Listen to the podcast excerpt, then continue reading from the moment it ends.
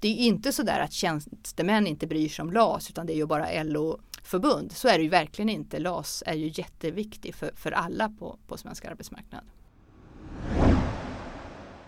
Du lyssnar på Samhällsvetarpodden med mig Ursula Berge. Idag ska vi prata om parterna, regeringen och arbetsrätten. You all come to us young people for hope. How dare you! How dare you! Arbetsförmedlingens skyltar ska upp på fler ställen. Jag har örat mot marken, jag lyssnar, jag leder såväl partiet som politiken i landet. Vi måste också jobba i den andra delen, förhindra att unga pojkar väljer brottets bana och det är ett helt annat arbete. Det är sysselsättning, det är skola och det är socialtjänst. Det är alltså inte polisen som är problemet, utan politiken. Hej och välkomna till Samhällsvetarpodden som leds av mig Ursula Berge, samhällspolitisk chef på Akademikerförbundet SSR. Vår gäst idag är Irene Wennemo som är generaldirektör på Medlingsinstitutet. Välkommen Irene! Tack så mycket, kul att vara här. Du var ju här för ett år sedan och då pratade vi om den stundande avtalsrörelsen som skulle vara klar i april i år. Det blev den ju inte. Nej. Men det blir faktiskt klar här nu ja. eh, i helgen som gick. Vad tänker du om det avtalet som nu slöts mellan industrins parter? Det var ju verkligen en väldigt utmanande uppgift att, att hitta fram till ett märke i det här liksom jättespeciella läget på arbetsmarknaden. Men det var ju svårt redan i våras. Eh, men då var det ändå en helt normal situation jämfört med den vi har nu. Nu har vi haft vissa sektorer som ändå har gått väldigt bra eh, under de senaste halvåret medan andra har gått helt bottenlöst dåligt.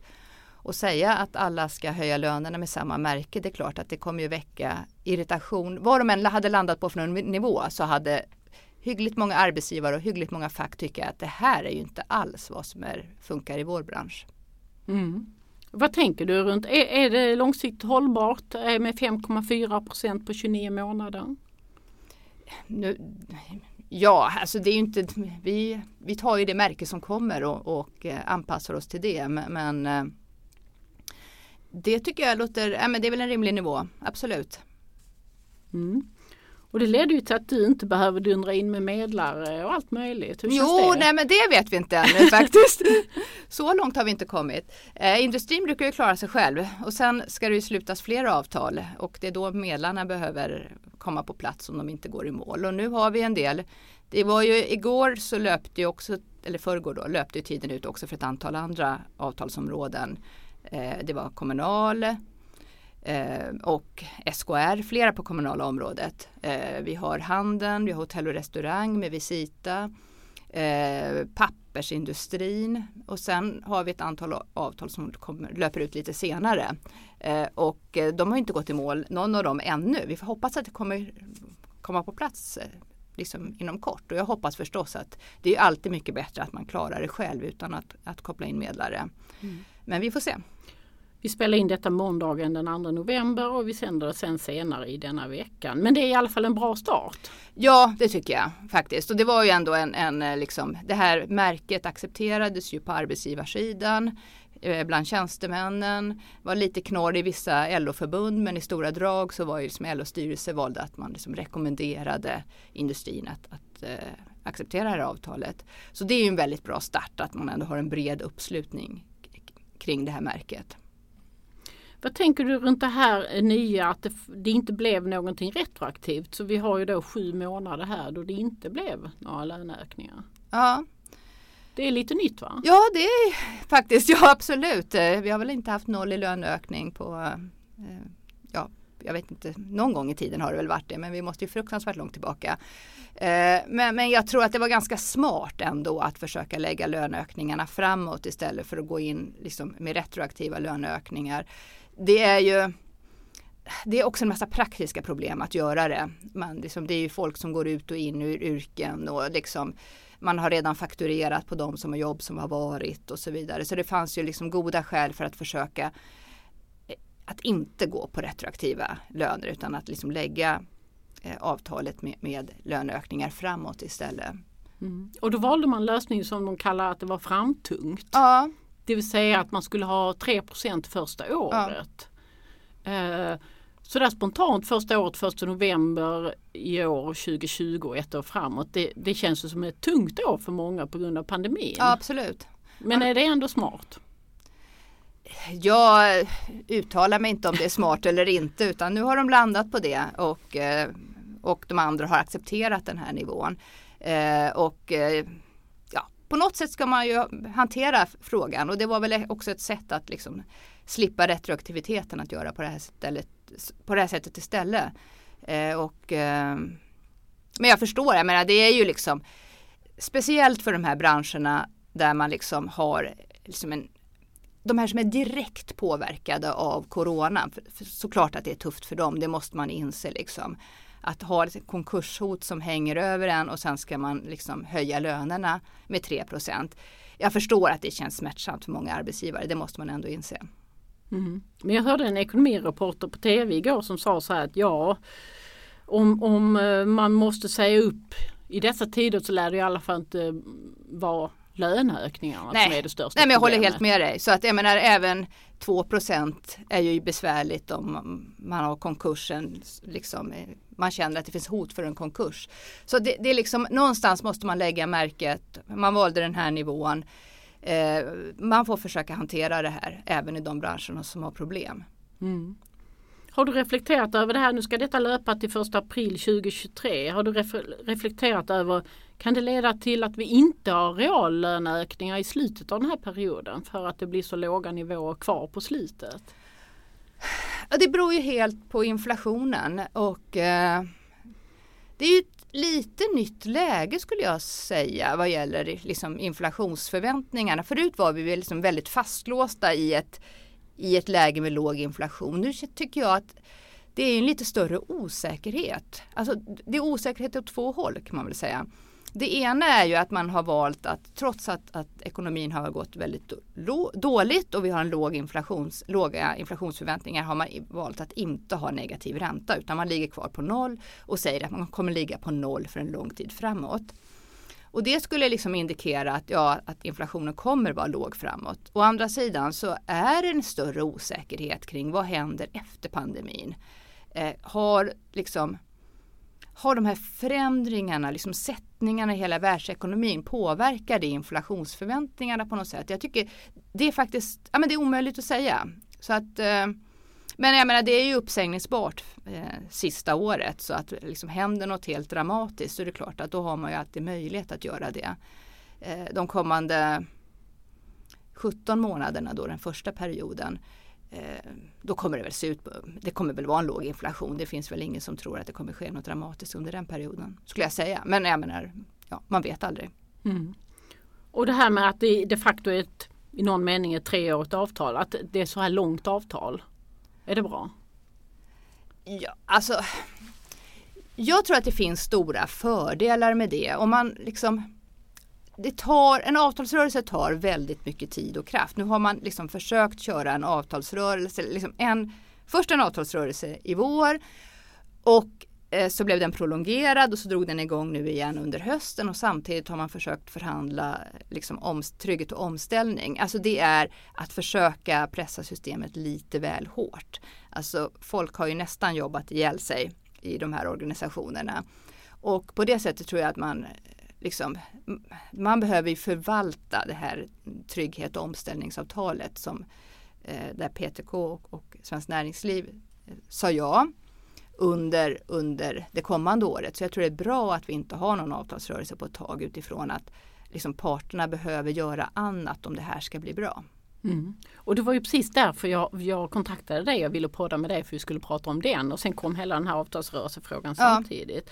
Men den här partsöverenskommelsen. Vad tänkte du i torsdags när regeringen gick ut och sa att det är partsöverenskommelsen mellan PTK och Svenskt Näringsliv som kommer att ligga till grund för regeringens vidare arbete? men jag tyckte det fanns, det mesta pekar på att man skulle göra det. Det var liksom ändå den, den rimliga vägen att gå skulle jag säga.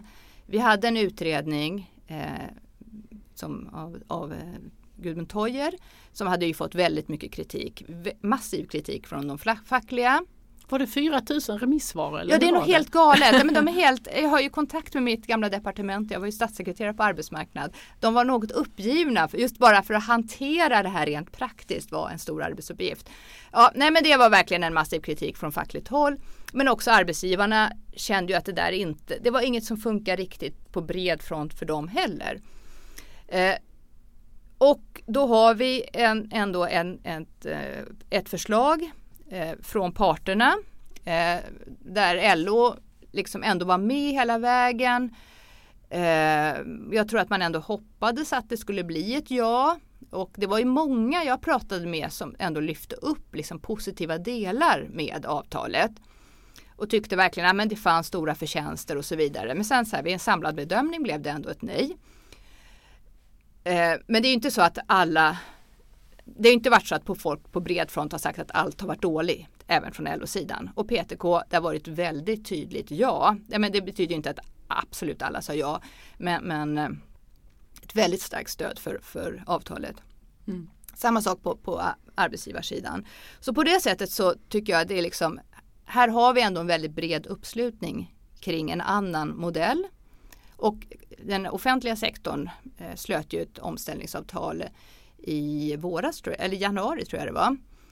Eh, där de egentligen gjorde sig lite oberoende av vad som händer i den lagstiftade arbetsrätten. De har ett eget system som liksom är avtalat och ett eget omställningspaket. Så de var ju nöjda med, med som det var kan man säga.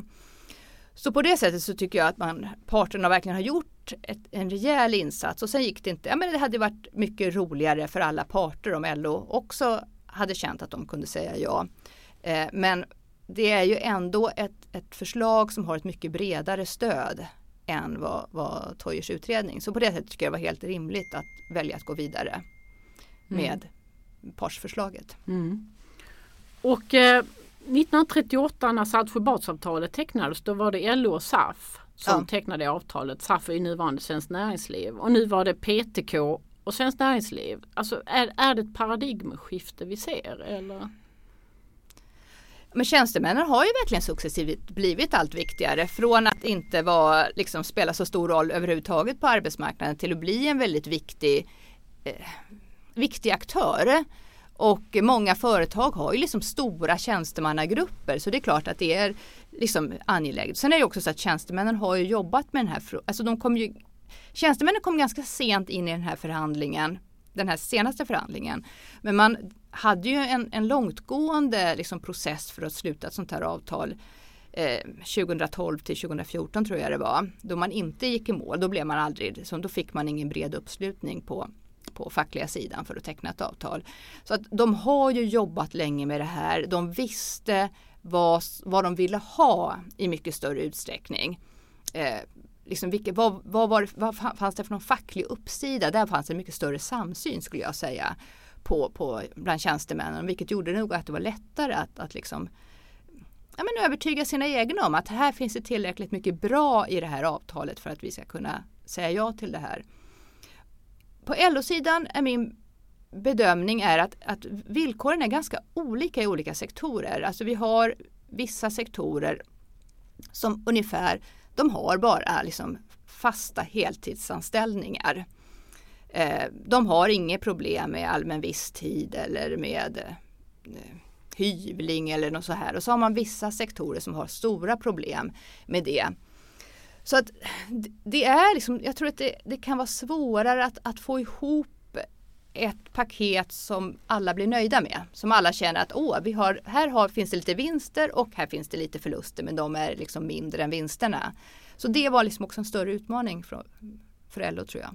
Mm. Så du tror det är mer det än det faktum att faktiskt tjänstemännen på privat sida blir fler och fler och vi har högre organisationsgrad. Eh, alltså vi tappar inte så mycket medlemmar inom tjänstemannagruppen än arbetargruppen. Det, du tror inte det har Nej, alltså, ja, det är viktigt förstås. Alltså man är en, och det är klart att, att liksom, var PTK litet då hade man inte kunnat liksom, från regeringens sida riktigt välja att gå vidare med, med det här. Men nu var det liksom, det här var en så stor del av arbetsmarknaden. Men sen är det ju också någonting, alltså man har ju man har ju lyckats hantera sina interna processer på ett väldigt bra sätt inom PTK. Jag menar, det här är ju att, att göra en sån här förhandling kring så här känsliga frågor. Det här är ju liksom jätteviktiga frågor för alla fackliga. Det är saker man lär sig på den första fackliga utbildningen. Att liksom arbetsrätten är viktig och så vidare. Och hålla ihop hela PTK, in, inte hela då eftersom de hade, fick inte med sig lärarna och eh, Teaterförbundet och Symf tror jag. Men det var, det är ju väldigt, alltså, det var ju lärarna har ju inte så många på den privata sidan så det var en väldigt liten andel som sa nej. Men att, att ha med sig dem i hela processen, att ha en bra process, eh, att alla känner att det här fungerar. Det är ju något som är väldigt imponerande faktiskt. Och där var det ju liksom mycket mer kontroverser på LO-sidan. Hela, hela resan liksom kring förhandlingen.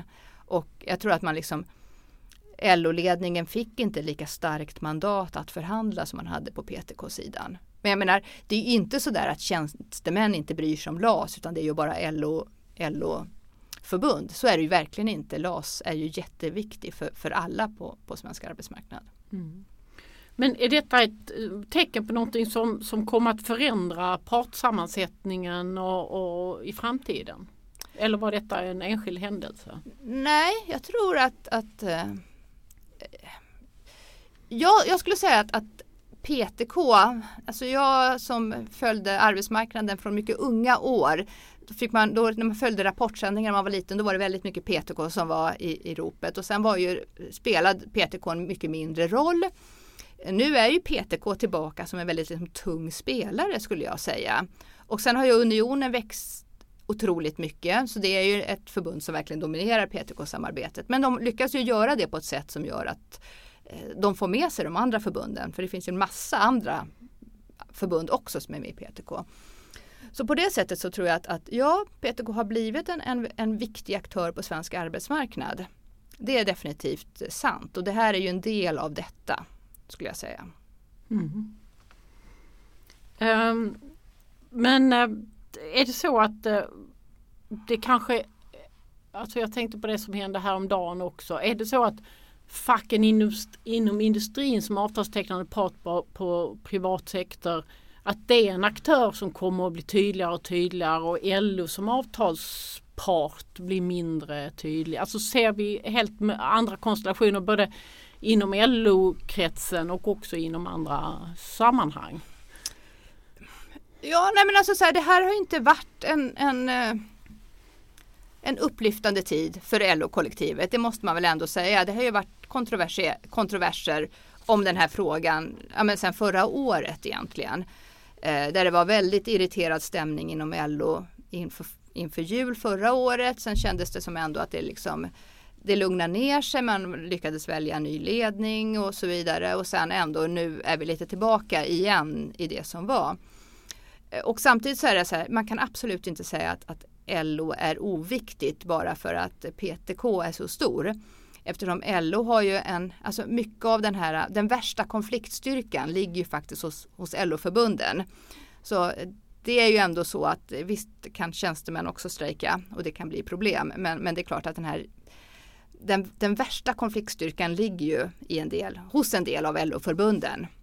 Mm. Eh, så att de behöver, man kan liksom inte strunta i dem, då får vi en väldigt besvärlig arbetsmarknad. Så jag tror att min bild var ju att, att Svenskt Näringsliv verkligen ville ha med sig LO och också var beredda att, att liksom, ja, men försöka hitta lösningar som fungerade också för LO-förbunden. Och att man ville ha med sig alla LO-förbund, inte bara några. Det var inte så här att vi, vi, vi samarbetar med industrin så struntar vi i resten. Det var verkligen inte det, de signalerna jag fick utan att man var mån om att, att på bred front göra upp också med LO. Men sen tror jag också att, att en sak som gjorde saken värre det var väl att, att man var väldigt missnöjd med processen från LO-sidan. Man tyckte att, att man liksom behövde förhandla under galgen i och med att regeringen hade eh, gjort det här januariavtalet med Centern och Liberalerna eh, om en utredning. Och sen var det väl så att, att, att den här äh, Toijerutredningen blev liksom ännu mer arbetsgivarvänlig än vad, vad regeringen men också vad LO hade tänkt. Jag tror nog att man trodde att de hade hamnat, skulle hamna på en liten annan position och så nu hamnar de ganska, ja, men ganska tydligt arbetsgivarvänligt.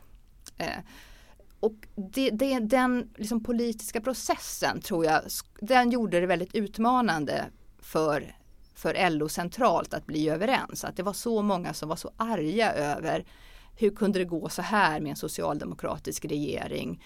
Och att ja, men det finns ju också uttalanden från, jag tycker liksom Centern och sen sedermera Liberalerna, de hamnade ju i samma position som även Medlingsinstitutet hamnade i, att det var bäst att gå på det utredningsförslag som fanns. Men det är klart att Centern och Liberalerna, det är politiska partier och de, men de gillar ju, det gör inte alltid processen lättare genom att de har sånt, ibland ett sånt behov av att markera just mot LO. Att det är liksom den här äh, de samarbetar, ja, med eh, Socialdemokraterna men LO är de liksom lite måna att hålla en, en distans till. Och det där liksom antagonismen som liksom, delvis av historiska skäl som finns mellan Centern och Liberalerna å ena sidan och LO å andra sidan gör ju också det här lite, har gjort det lite svårare. Mm. Alltså det, det, problemet behöver liksom inte PTK brottas med på samma sätt skulle jag säga. De var inte utpekade som liksom några som jag säger inte att, att eh, man har sagt så, men jag tror att man från LO har, har nog, från en del LO-förbund har man känt lite grann att, att eh, man har liksom velat köra över dem och då väcker ju något slags motreaktion och, liksom, mot den här politiska processen. Mm. Och det här med hela den här LAS-frågans tillkomst var ju det här som du nämner januariavtalet och, och punkt 20 och sådär. Alltså, under givna, alltså nu är, är man ju ändå framme vid någonting. Vi har, ja, inte, ja, faktiskt, ja. vi inte, har inte regeringskris, det finns någon form av överens, överenskommelse. Alltså det där punkt 20 har ju citerats tusen gånger så det behöver vi inte göra här och nu. Men eh, alltså var det ändå en rimlig lösning på ett stort problem då i januari 2019 och är, är den situation där vi är i nu ändå ganska lyckosam utifrån givna omständigheter? Ja men faktiskt så här att, och det är ju lite ett, ett under att vi ändå har baxat det, den här frågan ända hit. Jag menar det var ju så att det fanns ett politiskt tryck på förändringar i arbetsrätten. Det fanns en majoritet i riksdagen som ändå ville ha förändringar i arbetsrätten. Och detta blev liksom, och skulle man samarbeta med mittenpartierna så var, ja men det var så här liksom, det gick absolut inte att runda att man behövde göra något på arbetsrättens område för Socialdemokraterna. Alltså så här, det, var, det var ett måste. Alltså man, man försökte ju ha den här, det var ju två förhandlingar med Centern och Liberalen och den första körde ju i diket på att det var liksom för otydligt vad gäller arbetsrätten. Och sen gjorde man nya tag, man återkom med någonting som var tydligare. Och det är klart, det hade ju, ja, alltså så här att det, många punkter i det här 73-punktsprogrammet, de hade man kanske kunnat ersätta med något annat eller så. Och det hade ändå kunnat bli ett samarbete. Men den här punkten, där, det kunde ju inte vara något annat än det. Alltså det var, Centern var tvungen att få in någonting om arbetsrätten i det här, annars var det omöjligt att samarbeta. Och utifrån den, den förutsättningen man hade kunnat tycka att ja men då var det bättre med en, med en borgerlig regering eller då var det bättre med vad som helst. Men, men liksom, om man nu inte tyckte det.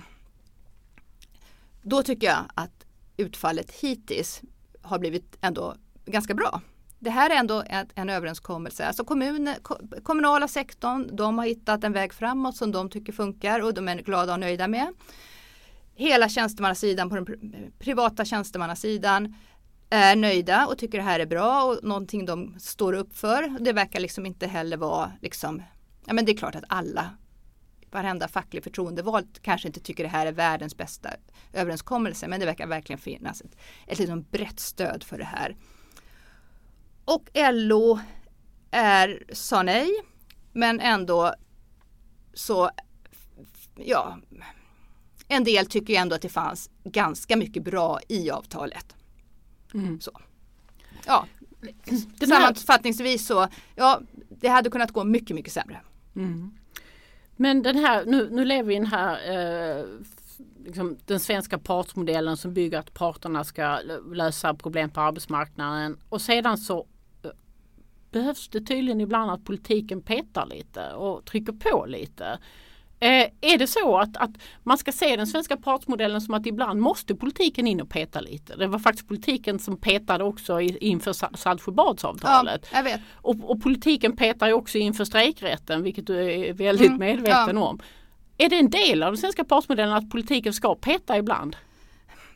Men ibland, jo men jag tror det. Alltså det finns ju enorma fördelar med parts överenskommelser för det ger en väldig stabilitet. För man måste liksom få ett ja, ett aktivt ja från, från bägge sidor för att det ska bli något. Men det är klart att det är ju också så här när man väl har, har liksom uppnått ett nytt eh, normaltillstånd så är det också ganska trögförändligt att ändra. Alltså det är väldigt svårt att, att liksom ta sig bort från en viss position till en ny position. Det finns liksom en inbyggd konservatism i partsystemet som i stora delar är väldigt bra. Man är ju duktig på att hantera de utmaningar vi har. Och ibland så liksom Ja, ibland är det ju sådär att det behövs en knuff för att ta sig till ett nytt, en, ett nytt läge. Och jag menar, och ibland är det ju så, jag menar, när jag pratar om, om svenska arbetsmarknadsmodellen så brukar jag ofta ta kollektivavtalslagen 1928 som exempel. Det var en liberal regering som införde den. Det var då Arbetsdomstolen kom till. Och det var ju LO var så fruktansvärt negativa. Alltså det var ju ingen måtta på vilket slag det här var mot hela den svenska fackföreningsrörelsen och så vidare. Och sen tog det liksom två, tre år så tyckte man det här var ju toppen. Säga att man skulle lägga ner Arbetsdomstolen idag så skulle ju liksom LO bli helt galna. Ja, hela fackföreningsrörelsen. Eftersom man tycker det är ett väldigt, en fungerande institution. Och jag menar Saltsjöbadsavtalet, det var en del eh, LO-förbund som aldrig skrev under det. Men Det blev normerande ändå. Eh, och ibland är det, det är ibland väldigt svårt att säga ja. Eh, och mm. det är väl en del i liksom, jag menar facken är ju demokratiskt demokratiska organisationer. Man ska övertyga medlemmarna om att säga ja och ibland går inte det. ibland får man inte liksom den uppbackningen för någonting som man kanske egentligen tycker är ganska bra. Men, men liksom, Eh, skulle man ta den striden internt så skulle man få avgå istället. Och det är väl det man liksom känner att nej jag tänker inte vara den som säger ja till det här i alla fall. Mm. Fast det egentligen inte är så dåligt. Men vi brukar ju säga, vi som företräder den svenska partsmodellen och tycker den är bra, att den, den bejakar strukturomvandling ja. och så vidare. Och att den är rör, lättfotad och rörlig när saker och ting förändras. Ja. Och nu säger du att den är lite konservativ och behöver retas på. Ja men, ja, men det, det, är faktiskt, jag tycker inte det är en motsättning. Att, att den har blivit som den blev är inte heller en självklarhet. Liksom. Vi gick ju från en situation med enormt mycket konflikter på arbetsmarknaden. Och sen var det ett antal saker som gjorde att, att liksom modellen ändrades. Det var den här kollektivavtalslagen 28, det var Saltsjöbadsavtalet. Jag skulle också säga att det var de samordnade löneförhandlingarna eh, 56. Och eh, då man liksom började hitta en ny lönebildningsmodell. Sen, sen gick den i kvav och sen kom industriavtalet. Men de, de, de, är ju ändå, de påminner om varandra skulle jag säga.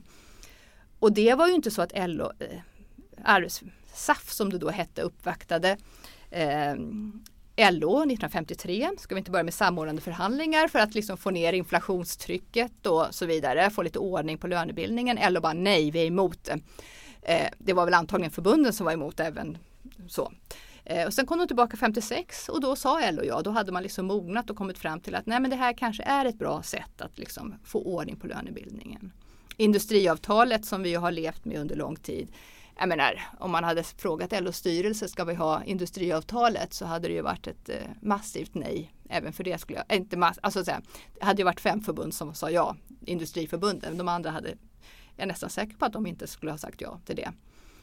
Så ibland är det ju sådär att vissa så här formativa skeden och, och där man behöver hitta liksom något nytt, då eh, är det inte självklart att man kan få ett brett stöd för det. Men sen när det väl är på plats och funkar då tycker de flesta att ja men så här, ja, det här kan vi leva med.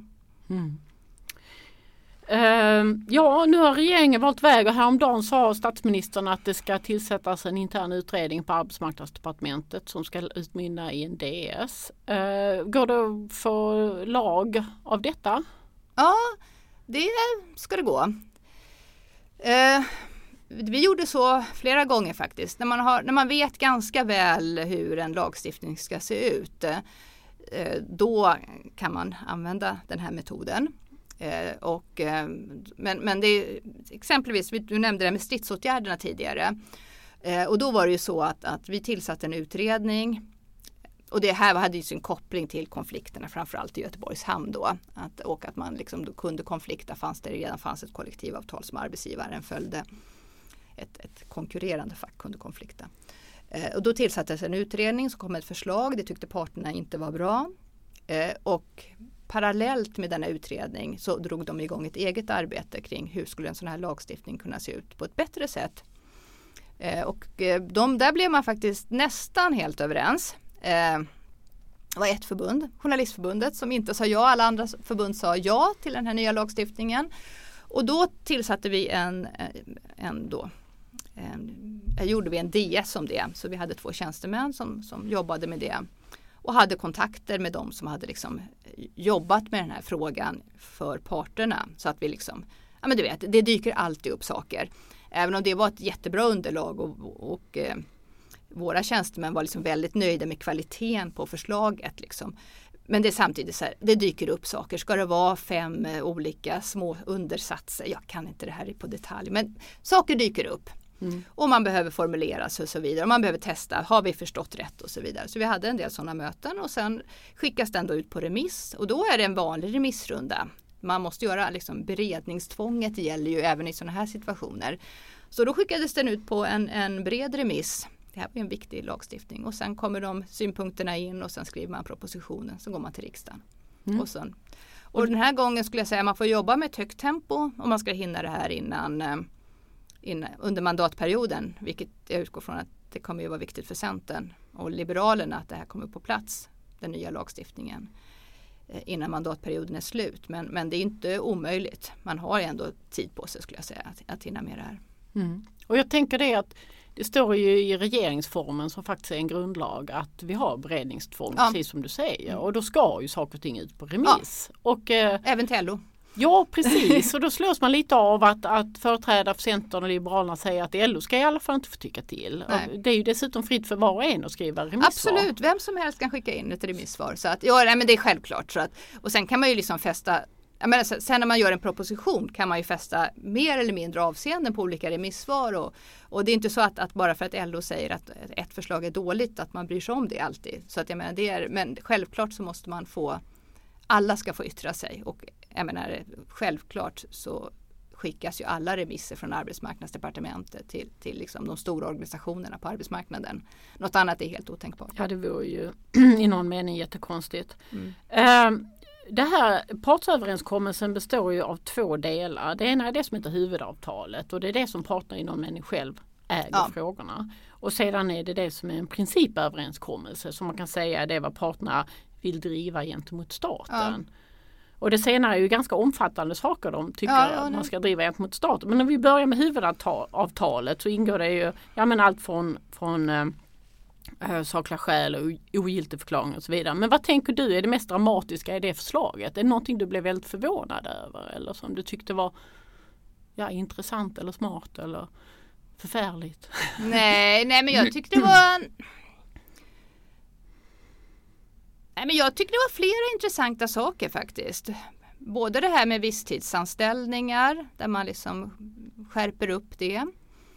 Ehm, jag tyckte, jag blev själv, jag tyckte det var överraskande. Alltså så här, den här frågan har ju diskuterats inom Socialdemokraterna. När jag var statssekreterare så hade det, var det ju liksom typ det här man, man tog beslut om på, på en S-kongress. Jag tänkte det kommer aldrig bli av. Och nu har man ändå liksom eh, blivit överens. Eller ja, LO sa ju nej. Men, men, eh, så det tyckte jag var överraskande.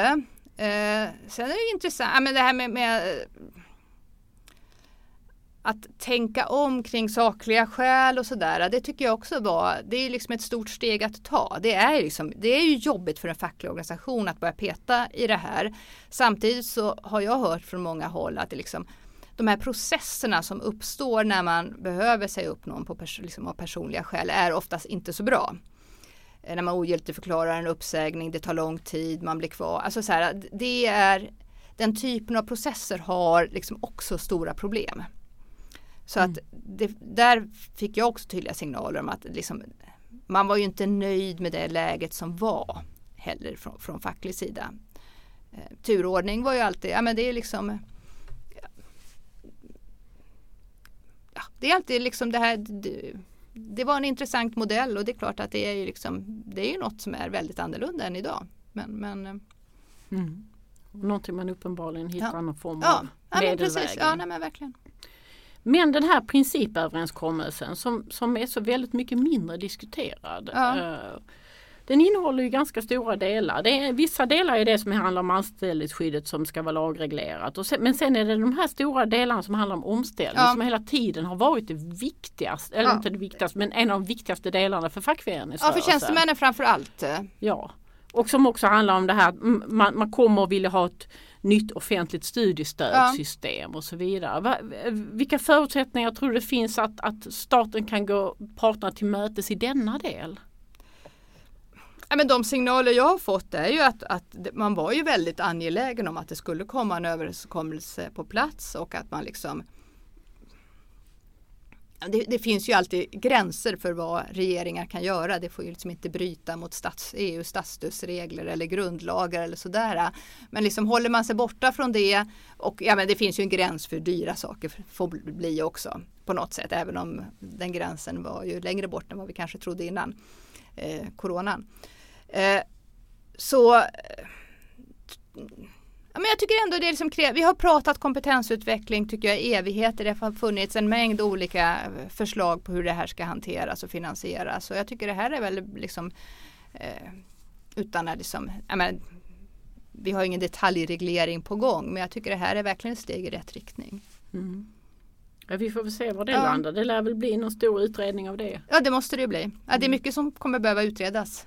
En annan sak som jag egentligen tycker det är ännu större. Det Jaha. är den delen som handlar om en förslaget till en kollektivavtalad a-kassa. Som ska betalas genom en växling av en del av arbetsgivaravgiften mot en kollektivavtalad avgift. Och, och Ja, det är ganska omfattande saker Ja. som finns med där på Verkligen. några eh, framskrivna rader. Ja, jag var faktiskt, jag har eh, fått diskutera det här lite grann med LOs styrelse. Inte för att jag var inte i mitt jobb som generaldirektör på Medlingsinstitutet utan en som hållit på ganska mycket med a-kassan. Och jag sa att det här är en jättereform. Det här är inget som man gör på två år. Det här, skulle liksom, ja, men det här är sånt som tar tio år att genomföra. Eh, och man måste ju inse att, att man kan ju tycka att arbetsmarknadsavgiften borde gå till bara a-kassa och eh, så. Men det är ju inte så det fungerar på något utan det här är ju liksom pengarna som inte används till a-kassa försvinner ju inte ner i ett svart hål utan de används ju till andra saker som vår riksdag tycker de ska användas till. Så det är klart att det är inte så att man bara kan lyfta ut de här pengarna utan att det får konsekvenser. Nej, det Eh. beräknas ju, en del har räknat fram att det är 20 miljarder per år i, Ja. som används till något annat. Är, Ja, men det är annat vill ju vår riksdag att vi ska göra liksom. Det är inte så att eh, eh, det används till något som vi inte vill ha utan det är ju något vi vill ha för de där pengarna. Eh, sen kan man ju tycka då att ja men då borde det vara någon annan, heta något annat den där avgiften eller så. Men, men liksom så har det inte fungerat. Även om man kan tycka det, att det borde fungera så, så har det inte fungerat så på länge. Eh, så att det är ju svårt och sen är ju den här lösningen, alltså man vill behålla de fristående a-kassorna och att man är medlem i en a-kassa samtidigt som den är kollektivavtalad. Så det blir ju ett ganska mångfacetterat system. För att alla kommer ju inte vara med i en a-kassa även om de borde vara det. Så att vi har då någon, en del som är kopplad till att företaget man jobbar i har kollektivavtal och man själv är medlem. Och sen har vi en situation som är att man jobbar i ett företag med kollektivavtal men man inte är medlem. Och så har vi de som jobbar i ett företag utan kollektivavtal där man är medlem i en a-kassa. Och sen att man inte, så att det är liksom, ja. Det här kommer bli komplicerat, det måste jag säga. Verkligen och om man kopplar ihop LAS och a-kassan så kan man säga att vi har ju haft en a-kasseutredning som precis har varit remissvar på, tid på Ja. förra veckan eller någonting och då plötsligt så är alla bollar i luften samtidigt. Ja, jag vet. ja, jag, jag är inte ansvarig för, för a-kassefrågorna längre men jag hade, om jag hade varit det hade jag tyckt att det var lite jobbigt. Det måste jag säga. Ja, För jag tycker själv att, att den här utredningen som, om a-kassan hade ju väldigt mycket förtjänstfulla förslag och tror jag om de genomförs skulle underlätta liksom administrationen väldigt mycket. Det är ett extremt trögjobbat regelverk i a-kassorna. Och det är, ju, det är det som gör att det tar så lång tid att, att liksom eh, få ut ersättning. Att vi, har haft liksom, vi har ju haft, folk har fått vänta länge på sin a-kasseersättning. Speciellt i vissa sektorer där det liksom är lite ore, oregelbundna arbetstider, många olika arbetsgivare och sådär. Eh, och jag tror att vi borde kunna hitta ett, ett, bättre system och jag tycker den utredningen lägger fram ett sånt. Men det, det tycker jag inte som generaldirektör på Medlingsinstitutet för vi har självklart ingen åsikt om det. Nej, såklart. Men eh, och jag kan ju tänka mig att Magdalena Andersson kanske tycker det kan vara lite svårsmält då, 20 miljarder mindre ja, i så, sin statsbudget. Ja, så, så det. det. kan ju vara jobbigt. Ja. Även om vi just i år verkar ha obegränsat med pengar. Alla år kan gärna inte vara sådana år tror jag. um, Ni skrev i ert remissvar att eh, Medlingsinstitutet anser att fortsatt arbete med att reformera arbetsrätten och angränsande frågor bör baseras på sådana överenskommelser. Och då syftar ni på den här, eh, som vi var inne på inledningsvis, den här uppgörelsen inom kommun och regionsektorn ja. och, och också Peter Svenskt ja. Näringsliv. Hur långtgående är den meningen? Eh, som sagt, alltså jag fick lite känsla av att ni målar upp ett helt nytt landskap.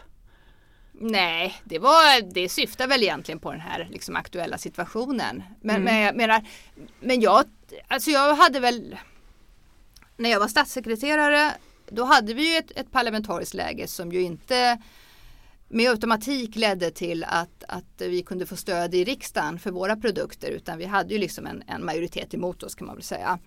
Och då försökte vi ofta jobba så att, att liksom, kunde man få med sig både fack och arbetsgivare på att en reform var bra. Då var det ju otroligt, eller ja, då fick vi också stöd i riksdagen helt enkelt.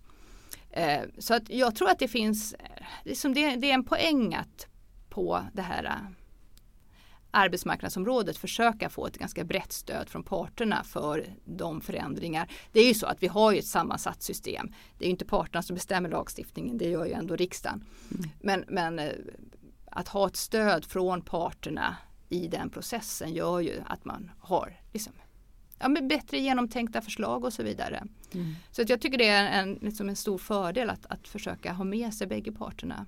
Mm. Och då tänker man så här, för då landar ju det här efter ett tag som en lagstiftningsfråga i riksdagen och då börjar man räkna mandat. Ja. Och då tänker man så här, då har Nooshi Dadgostar gått ut och sagt ja men får LO vara med och tycka till om den här DSen då är det ju lite en annan sak. Ja. Och, och du säger det här att om parterna är överens så finns det ändå goda förutsättningar att det går igenom i riksdagen. Är det prognosen? Vad, vad ser vi framför oss parlamentariskt? Nej men jag tror alltså så här att, att uh Nej men det är väl, alltså det är ju Alltså vi, vi har ju misstroendevotumsfrågan men liksom att ett, jag tror att det skulle inte vara något svårt att få ett parlamentariskt stöd för, för att gå på Svenskt Näringsliv och PTK-förslaget. Det går ju igenom riksdagen skulle jag säga. Eh, men sen eh, får vi väl se hur LO förhåller sig. Jag menar ibland, jag menar, i den här situationen så var de tvungna att liksom säga ett aktivt ja eller ett aktivt nej.